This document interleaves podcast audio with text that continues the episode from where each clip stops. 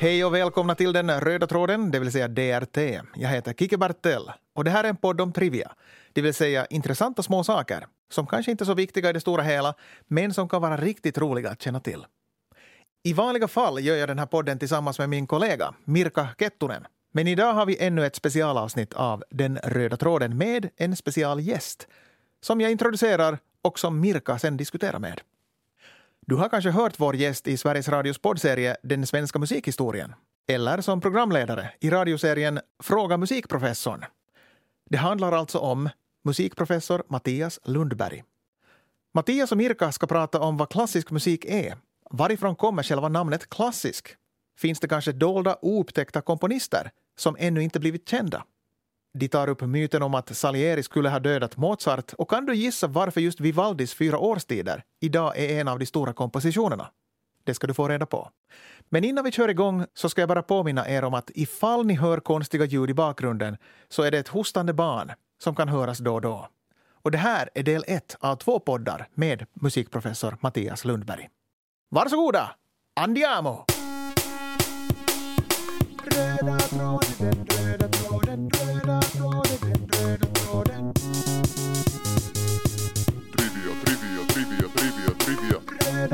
Tråden, röda tråden, röda tråden, röda tråden.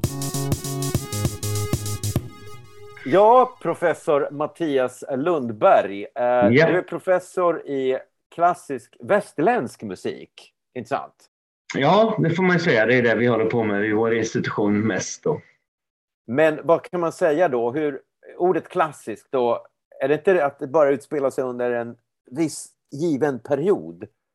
Jo, det, det finns ju en slags klassisk kanon som man kan säga som är västerländsk i vid mening och österrikisk i smal mening. Om man ber folk räkna upp några av de stora tonsättarna så är det ganska troligt att det blir Mozart och Haydn och Beethoven och Schubert.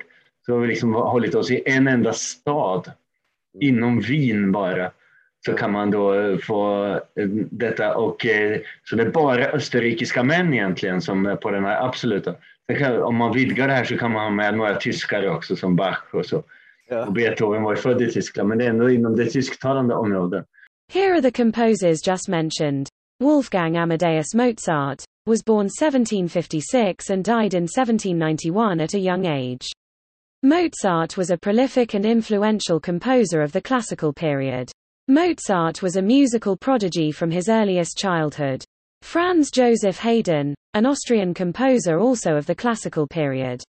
And he lived from 1732 to 1809. He earned the epithets Father of the Symphony and Father of the String Quartet. Haydn was a friend and mentor of Mozart, and a tutor of Beethoven. Ludwig van Beethoven, he lived from 1770 until 1827. He was a German composer and pianist. Beethoven is still regarded as one of the most admired composers in the history of Western music. He was almost completely deaf by 1814. And finally we have Franz Peter Schubert. He's an Austrian composer that lived from 1797 until 1828. He was active in the late classical and early romantic eras.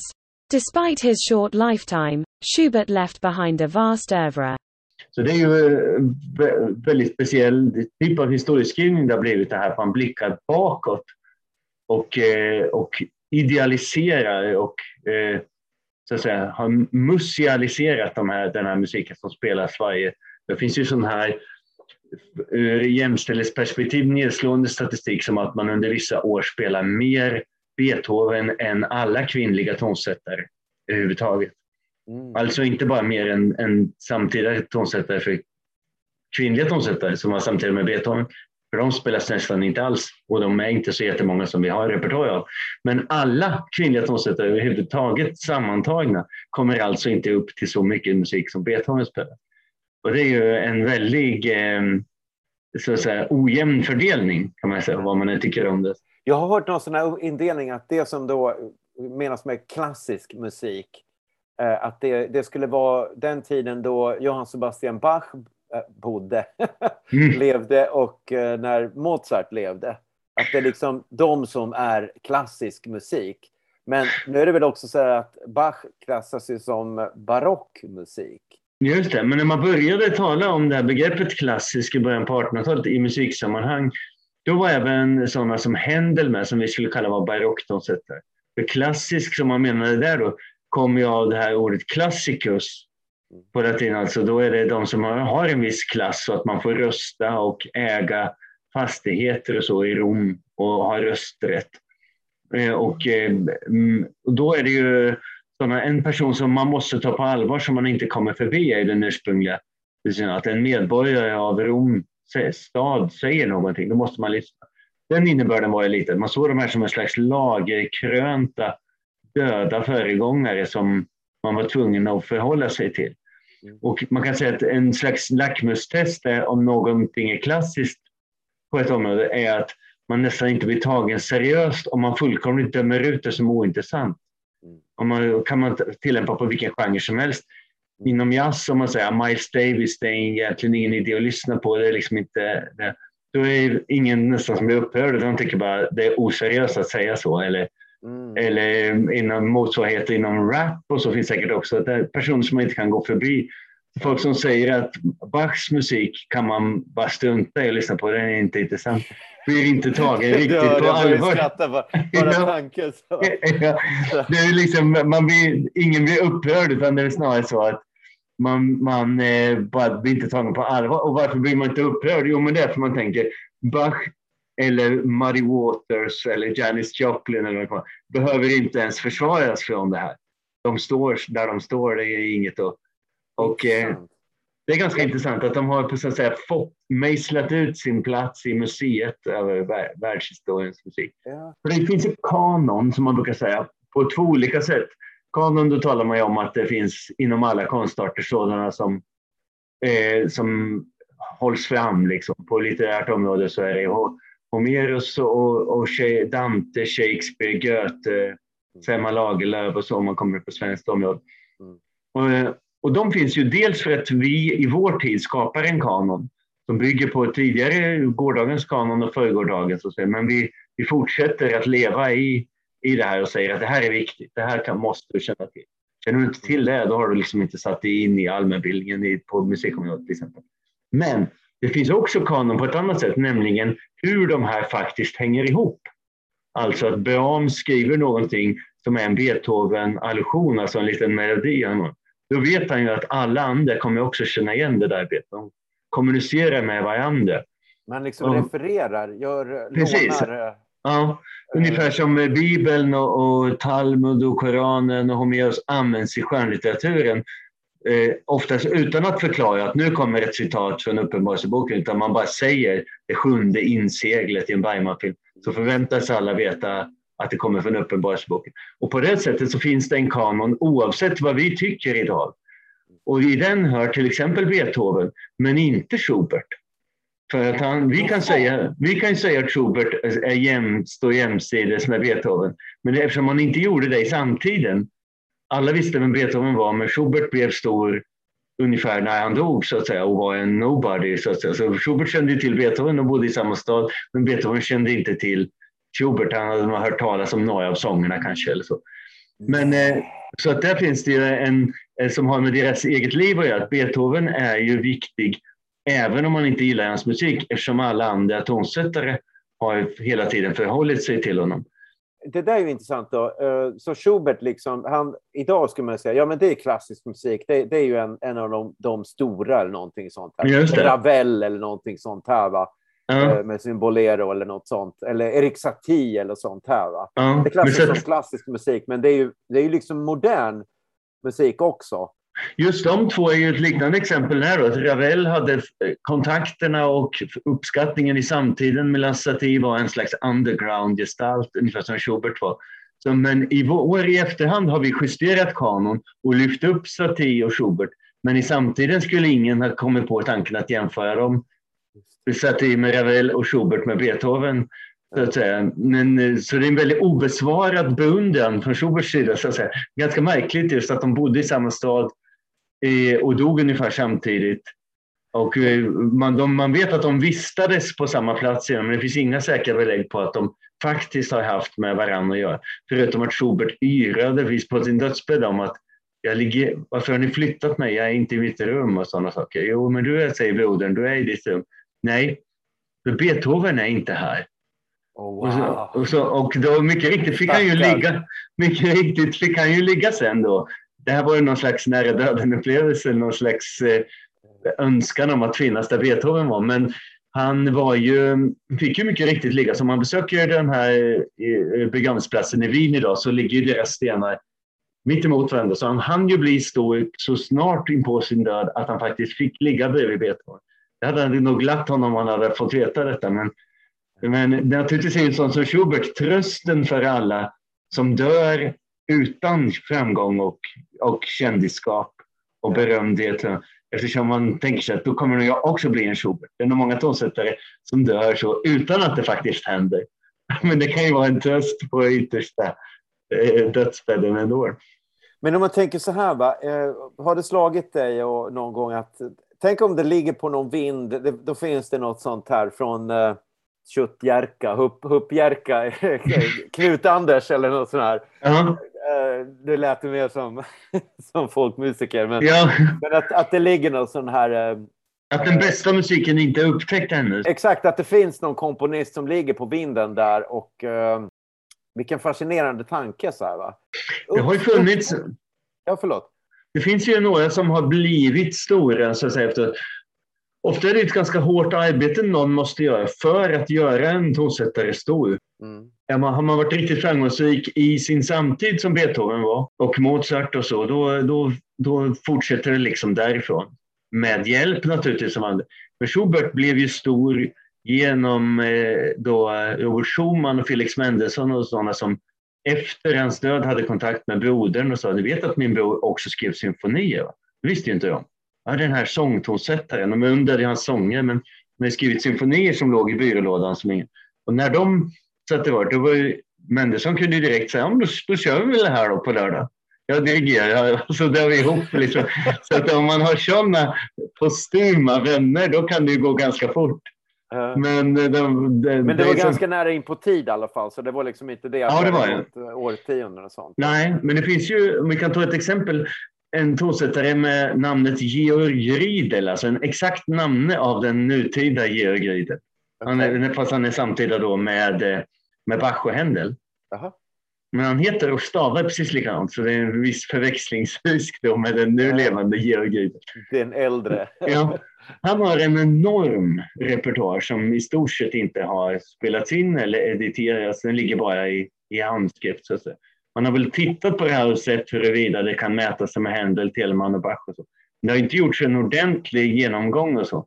Så det är helt klart så att ibland är det så att vi inte ens vet om personen och inte någonstans ligger det här och sen är det någon som hittar.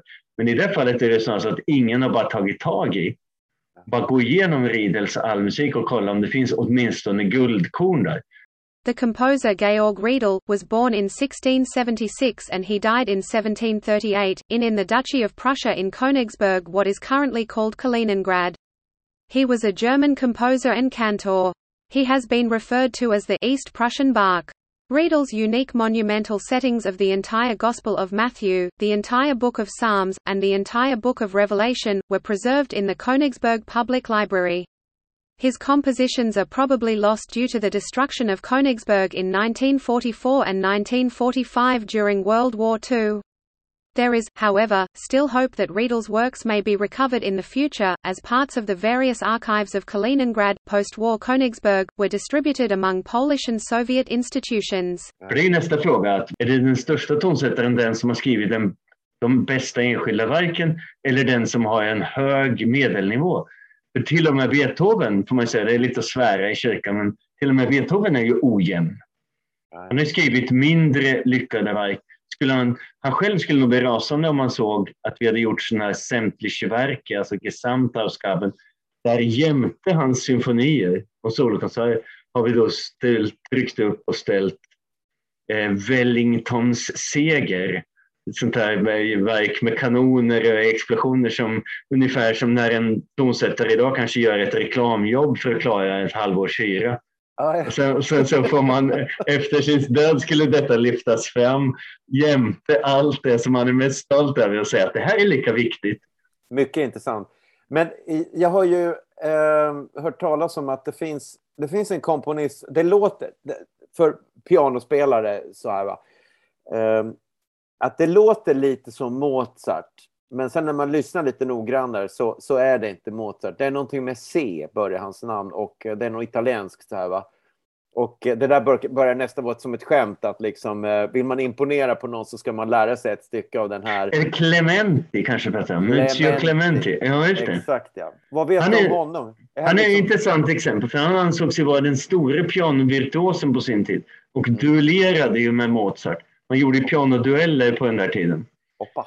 Eh, det ju, sånt deltog även Beethoven och dem i. Eh, och det var ju ett sätt att visa Ja, det var som, nästan som en sån här rap battles idag.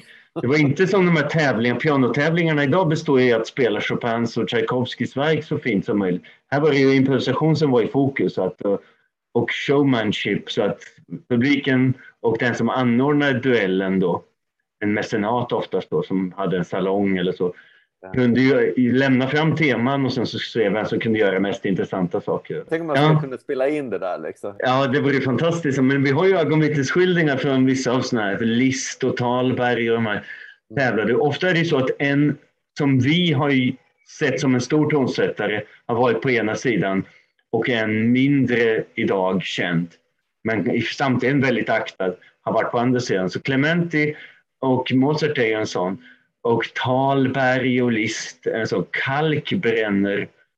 Och, och List, och kalkbränner, aldrig hört talas om. Nej, de, men de var ju ofta de som folk sa eh, att, de, att de faktiskt nästan avgick med segern, menar ungefär hälften.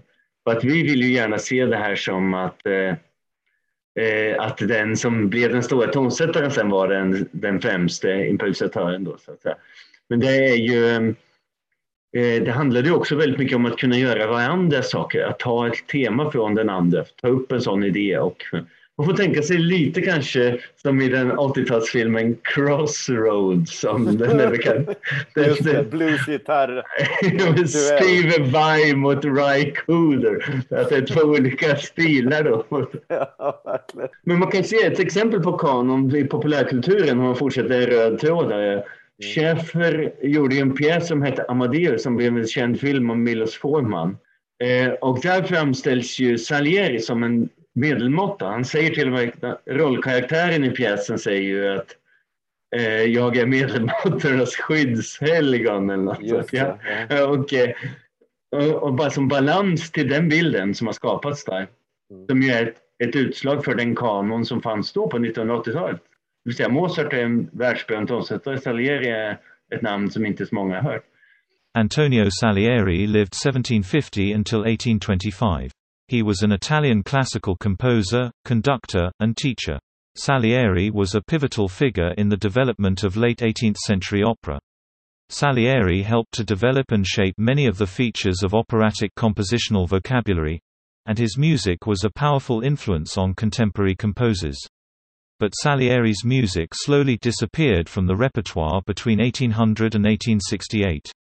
His music was rarely heard after that period until the revival of his fame in the late 20th century. That's due to the fictionalized depiction of Salieri in Peter Schaffer's play Amadeus in 1979 and the subsequent 1984 film version. The death of Wolfgang Amadeus Mozart in 1791 at the age of 35 was surrounded by rumors that he and Salieri had been bitter rivals. It was gossip that Salieri had poisoned the younger composer, yet this has been proven false. It is likely that they were, at least, mutually respectful peers.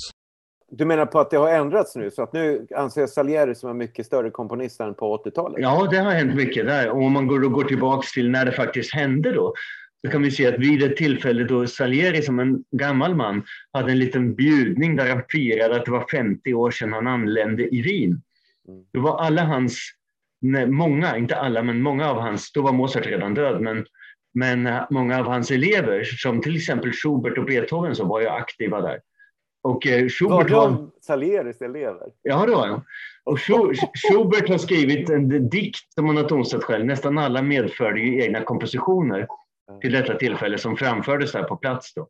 Och Schubert har skrivit en kanon som skulle kunna sjungas om alla där, där Salieri framställs som den store halvguden som ibland sänker sig ner till oss andra för att kunna eh, då, eh, ge, visa på den gudomliga gnistan. Och så.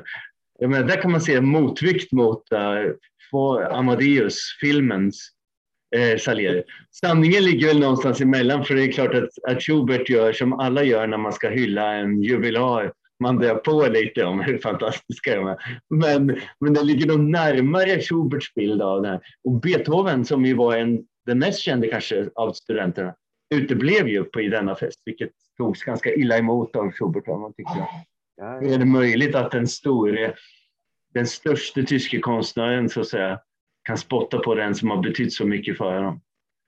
Beethoven var inte en sån person som i onödan framhävde andra än sig själv. Oh, I almost forgot to mention that Wolfgang Amadeus' son Franz Xaver Wolfgang Mozart, a successful composer in his own right, were among the most famous of Salieri's pupils. So when you see the film Amadeus, don't believe the hype. There's no evidence that Salieri was like that at all. Alltså det har ju funnits eh, eh, eh, musik och musiker som har funnits med någonstans i någon komponist eller någon musikers medvetande, så de har väl aldrig försvunnit helt. Men deras liksom stora renässans, som man säger, är ju det att när de börjar spela in musik på skiva. Till exempel Vivaldi ska vara ett sånt... Uh, Just det, Vivaldi hör till dem som faktiskt har delvis skivindustrin att tacka för sin plats i kanon på 1900-talet. För den var väldigt obskyr tonsättare. Men nu är den go-to go-to concerto grosson vid telefonköer och hissar och så är ju fyraårstiden. Ja. Och det är några legendariska inspelningar som gjordes där. Antonio Lucio Vivaldi was born 4th of March 1678 and died 28th of July 1741. He was an Italian Baroque composer, virtuoso violinist, teacher, and Roman Catholic priest. Born in Venice, Vivaldi is regarded as one of the greatest Baroque composers, and his influence during his lifetime was widespread across Europe, being paramount in the development of Johann Sebastian Bach's instrumental music. Many of his compositions were written for the all-female music ensemble of a home for abandoned children. After almost two centuries of decline, Vivaldi's musical reputation underwent a revival in the early 20th century. Many of Vivaldi's compositions, once thought lost, have been rediscovered, in one case as recently as 2006. His music remains widely popular in the present day and is regularly played all over the world.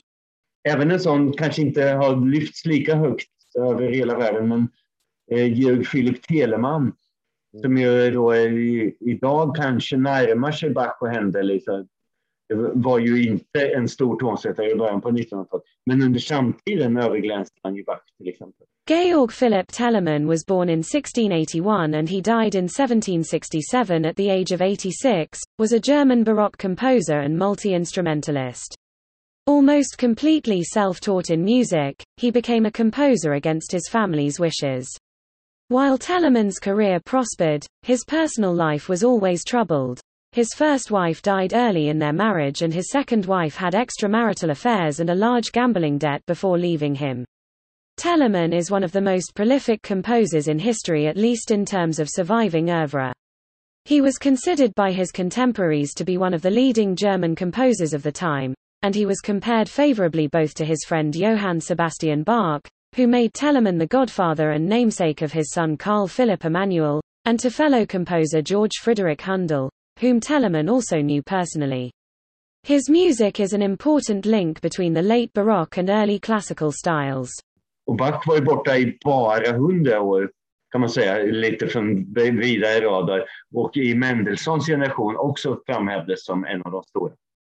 Nu, det, det finns ju de här två eh, Taiwan-australiska killarna som deras Youtube-kanal heter Two Set Violin och de snackar ju då mest om, om fiolspelande. Ja, just det, har jag sett någon gång. Mm. Ja, och det är för er som vill liksom lära er mer om klassisk musik och sånt här så gå in på Two Set Violin med bokstäver, ingen tvåa. Um, och uh, de hade ju sån här, de lyssnade på Heifetz och massa såna här, mm. uh, vad heter de mer, de här um, Legendariska. Uh. Legendariska, klassiska det. det vill säga inspelade Ja. eh, eh, fiolspelare. Och det här metoden de spelade på reagerade de här killarna på. Och det här var helt nytt för mig vad gäller klassisk musik. Jag trodde att det alltid hade låtit likadant och att det inte skett någon utforskning i hur, hur det lät och hur instrumenten var och vilket man alltså gör. Så att, att det, det finns liksom bara under den korta tiden, från 1960-talet, eh, när man börjar liksom göra väldigt många liksom klassiska eh, skivinspelningar och sånt, så har det ju ändrats otroligt mycket till dags dato. Ju, idag så har du till exempel, ehm, hon har ju varit på tapeten nu i 20 år, ehm, eh, Hillary Hahn till exempel. Just det. Så väldigt exakt och ren, ren ton när hon spelar sin... ehm, Mm. v- vad, vad kan man säga om det här liksom? Att, att Vad kan jag säga? Forskningen kring det som du i princip gör, eller dina kollegor, gör att tolkningen av den klassiska musiken ändras.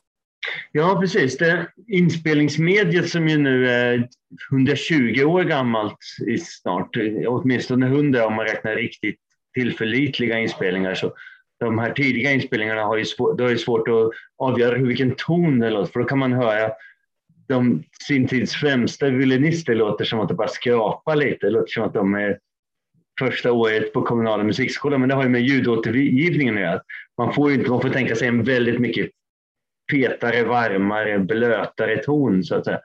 Men hur de spelar och fraserar och så har ju verkligen ändrats mycket under de här hundra åren. Man brukar säga att de som fick sin utbildning före första världskriget hörde nästan som till ett annat paradigm där man spelade med mycket mer rubato som det kallas. Pianostycken och så var inte en pulsartade utan det var eh, flytande och man nästan vid varje frasslut saktade ner tempot för att sedan långsamt rulla igång det igen.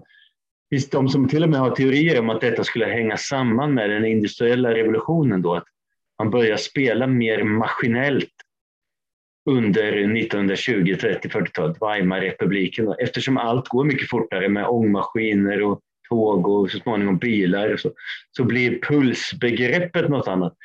Man får tänka att innan i någon industriell revolution så var det enda puls man kunde utgå från som fanns i naturen, det var ju egentligen hjärt, ens egen hjärtrytm. Ja. Och den är flexibel, märker ju alla som har tagit trapporna lite för fort eller så. så går det. Men, eh, men eh, att vi inte har en yttre referensrytm för eh, den industriella revolutionen har nog spelat in i att man, att man inte tyckte... Vi skulle tycka att de flöt omkring lite mer Ja, ja, i, i det, tiden dessförinnan. Och detta kan man nog säga ytterligare förstärks nu när det finns massa sådana här quarantine sessions och så här, där man då inte kan spela samtidigt eftersom det är en fördröjning. Så att det finns sådana här folk som spelar då hela en eh, Mendelssohns stråkoktett med sig själv. Man spelar alla stämmor då. Just det, de har en click track där. Ja, just det. Så kan man spela in då två violinstämmor själv och en violast som kan spela in två violastämmor, fyra till och med. Och, så. och då, eh, då säger sig självt att lyssnar man på det mycket och tycker ja men det här låter ju bra, då blir ju musiken mer statisk. Så att säga. Den kommer bli mer maskinell som en, en maskin. Så att säga. Och sen kommer det säkert komma en motrörelse på detta, att man vill ha en ärkeromantisk flytande tempo igen då. Men eh, eh, det här med gamla musiker. Eh, det är lite intressant att, eh, att, att eh, Frank Zappa, om det är några av er som känner till rockmusikern Frank Zappa. Eh, han, eh, han gjorde ju då på slutet av 80-talet en syntinspelning av en komponist som han... Eh, skivan hette Francesco Zappa. Så- Nästan namne. Exakt, ja. Och the- his first digital recording in over 200 years. När jag hörde den första gången, det är, liksom, det är verkligen så extremt billigt syntljud. Och det är, så här, det är så otroligt maskinellt. Men när man lyssnar på melodierna och sånt, man bara, det här låter ju inte alls illa. Och så när jag väl hörde, jag tror att det var på, på, på eh, Spotify som jag då hittade Francesco Zappa, så var det liksom någon orkester i Italien, då jag förutsatte att det är en italienare, som spelat in det och bara det här låter ju riktigt bra. Francesco Zappa lived from 1717 to 1803. He was an Italian cellist and composer who lived most of his adult life in The Hague, the Netherlands. He was highly regarded for his virtuoso cello playing and his compositions were published and distributed throughout Europe. Zappa was of importance to the musical life of the Netherlands, where he was employed by the court of the Prince of Orange for the next four decades. Rock musician Frank Zappa performed Francesco Zappa's music on a digital synthesizer called the Synclavier. The recordings were released on the album called Francesco Zappa in 1984. Frank Zappa stated later he was not related to Francesco Zappa. Har, har du hört Francesco Zappa med riktig orkester? Och så? Ja, det har jag gjort. Han har ju inte så... Eh, han får inte lika fina inspelningar eller med fina orkester som en del andra italienska. För han är ju inte en jättemästare så att säga. Han är en mm. duktig eh, tonsättare, en milanesisk tonsättare. Men eh, man, det är ändå hyfsat professionella musiker som har spelat in det. Jag tror det är ganska många Zappa, Frank Zappa-fans mm. som utgick från att, eh, att det här var ett skämt. Eftersom Zappa är en sån som alltid lajvar sig och ljuger annars ja. så ska man ha trott att det här var ett falsarium och att han skulle ha ägnat ett par år till att bara lära sig skriva i en sån vinklassisk stil. Men, eh, men jag tycker det är, det är väldigt intressant. Stil, det var intressant. Det, det ja, det, jag, jag, tror, ja, jag, jag tror att han levde fram till 1803 ungefär, så det låter ju lite som Haydn eller så. Och han, eh, så det är ju en, en 1700-tal milanes. Då, så, och jag tror att det var väl så att Zappa hittade att det fanns en, någon måste ha tipsat honom, vet att det finns en som heter nästa som det. Och det är så typiskt Frank Zappa säger att jag ska spela in med sådana här synklavier allt som finns. Jag tror det är den samlade verken av, av Francesco Zappa på en dubbel LP. Då. Ja. Omslaget för er som inte känner till det, det är en sån här tecknad hund med solglasögon och någon sån här rysch och pysch-klänning som sitter där. Och så står det där, his first recording in, in over 200 years. Och så ja. så jag, jag trodde också att det var, liksom, det var bara ett skämt sådär. Va? Men, För det men... finns ju också sådana, det finns ju den här PDQ Bach som är en påhittad, eh, som en komiskt påhittad tonsättare. Okay. Som sägs vara den bortglömde Bach-sonen. Bach hade många söner som var musiker och tonsättare. Ja, ja, ja. Som hette så PDQ Bach. Men det var gjort med så överdriven humor att det var uppenbart för alla att det, ja. att det var för, eftersom det var så här konsert för för eh, med inslag av skrivmaskin och så som profetiskt hade meddelats honom också. Uh, okay. PDQ Bach is a fictional composer. He was invented by the American musical satirist Peter Schickele, who developed a five-decade-long career performing the discovered works of the only forgotten son of the Bach family. The music is a combination of parodies of musicological scholarship, the conventions of Baroque and classical music, and slapstick comedy. The name PDQ is in and of itself a parody of the three-part names given to members of the Bach family. Like CPE, for Carl Philipp Emanuel Bach. PDQ is an initialism for pretty damned quick. De känd som The Lazy Bach. Man kallar de andra bröderna för the, the, MP, the Emotional Bach, kan man säga, om Carl Philip Emanuel, men han var känd för The Lazy Bach, så han hade inte skrivit så mycket, men det fanns lite. ja, det, det låter verkligen som ett skämt. Och här bryter vi Mirkas och musikprofessor Mattias Lundbergs intressanta diskussion om klassisk musik. I del två av deras diskussion så pratar de om när och varför just Sibelius, Nielsen och Grieg blev stora världsnamn medan de svenska komponisterna Frans Berwald eller Adolf Fredrik Lindblad inte blivit så stora.